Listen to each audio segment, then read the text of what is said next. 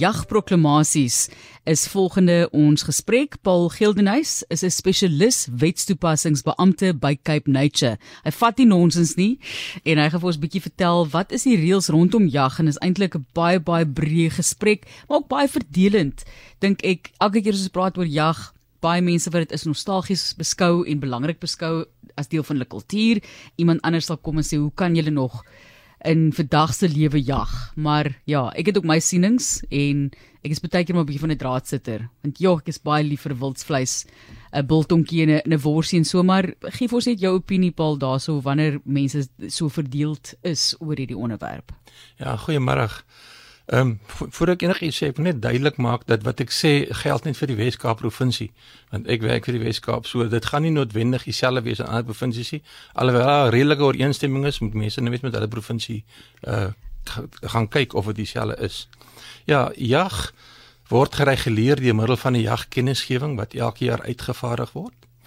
Nou die mense wat in die streek bly, het 'n inset in hierdie jagkennisgewing. Omtrent elke jaar so hier by Julie Augustus maand, dan stuur Cape Nature 'n kennisgewing uit aan al die plaaslike owerhede ehm um, en boereunies en uh, vir mense in die jagbedryf waar hulle gevra word om insette te lewer vir die jag uh, kennisgewing vir die volgende jaar.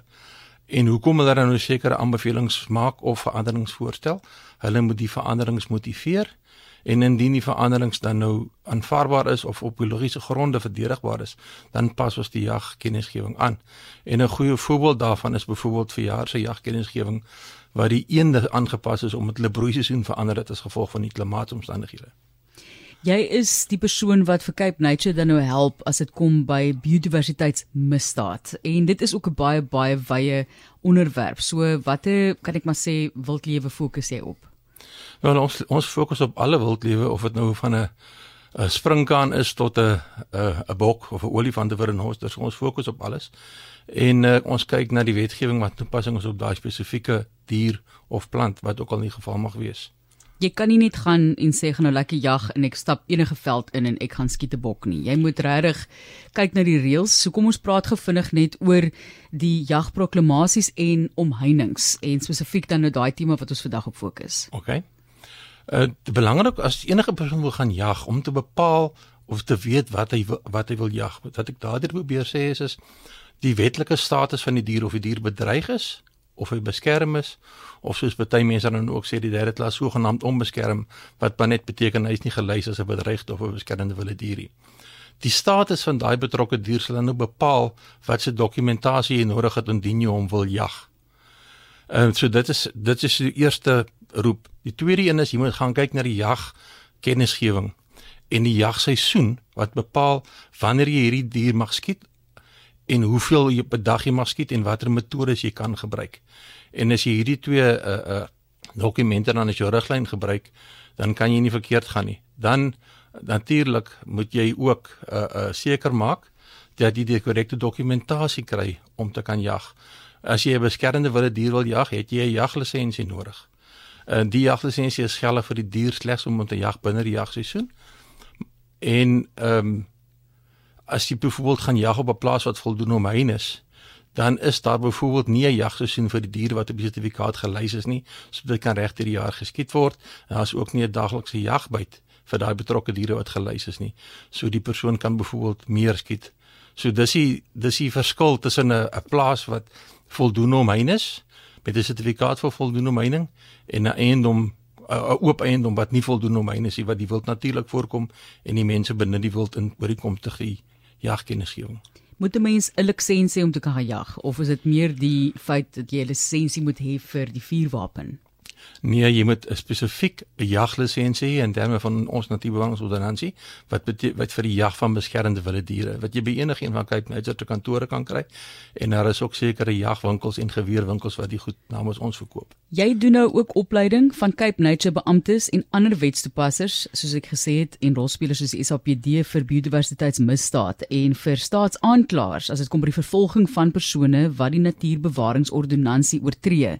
Dis 'n mondvol Geen net vir ons 'n idee van wat is die groot behoefte vir kennis met die beamptes wat betrek word by hierdie tipe van misdade. Waar waar dink jy is die grootste tekort eintlik aan kennis en wat jy intree en vir hulle mee help? Ja. Soos in enige uh, wetstoepassingssituasie moet jy die wetgewing baie goed ken want dit vorm die fondasie van jou ondersoek en die fondasie van die verklaringe wat jy moet kry.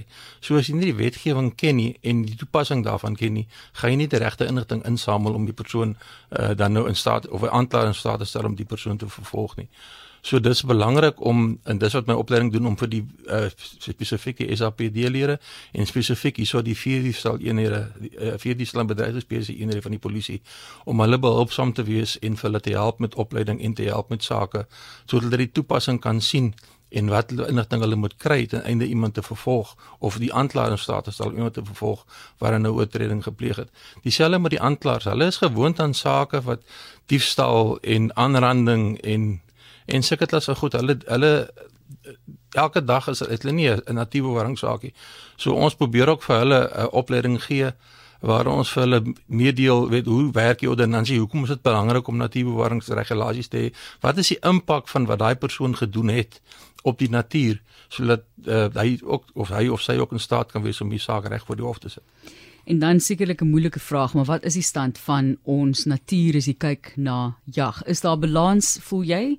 En wen ons daai stryd teen die misdade van natuurbewaring. Ons probeer ons bes onder die omstandighede soos soos in alle staatsorganisasies is daar maar 'n kapasiteitsprobleem.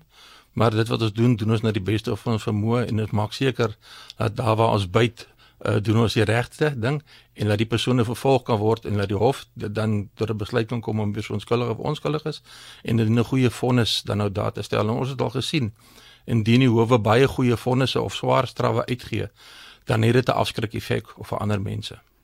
So jy is nou die persoon wat vir ander mense sê hoe die saak moet werk. Waar het jy jou opleiding gekry sodat jy jouself 'n spesialis wetstoepassings beampte van Cape Nature kan noem? Ek werk al 40 jaar vir Cape Nature, so God. ek het redelike ondervinding wat dit dan betref.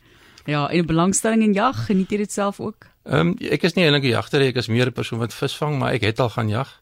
Ehm um, ek het nie 'n probleem daarmee nie. Ek geniet dit ook. Uh, ek geniet ook maar my wildsvleisie. Ja. Die gesonde wildsvleisie.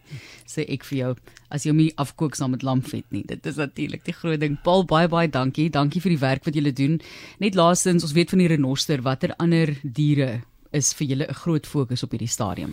Op die oomblik is die fokus meer op die vetplante. Dat ons het 'n groot probleem gehad met mense wat reptiele uh, gesmokkel het, ja. spesifiek akedisse, maar op die oomblik sal ek sê is, is 80% plus die mense wat betrokke is in die sukkelente en die onwettige versameling en die uitvoer van sukkelente uh, na die ooste so nooit kon dink dit gaan nou die volgende krisis raak nie. Vaderland. Paul, baie baie dankie sterkte met die werk wat julle doen en wat julle doen vir ons omgewing. Paul Gildenhuys, 'n spesialis wetstoepassingsbeampte by Cape Nature wat gefokus het op jagproklamasies en jag op eiendomme met sertifikate van voldoende omheining. Maak maar seker jy ken die reëls mense.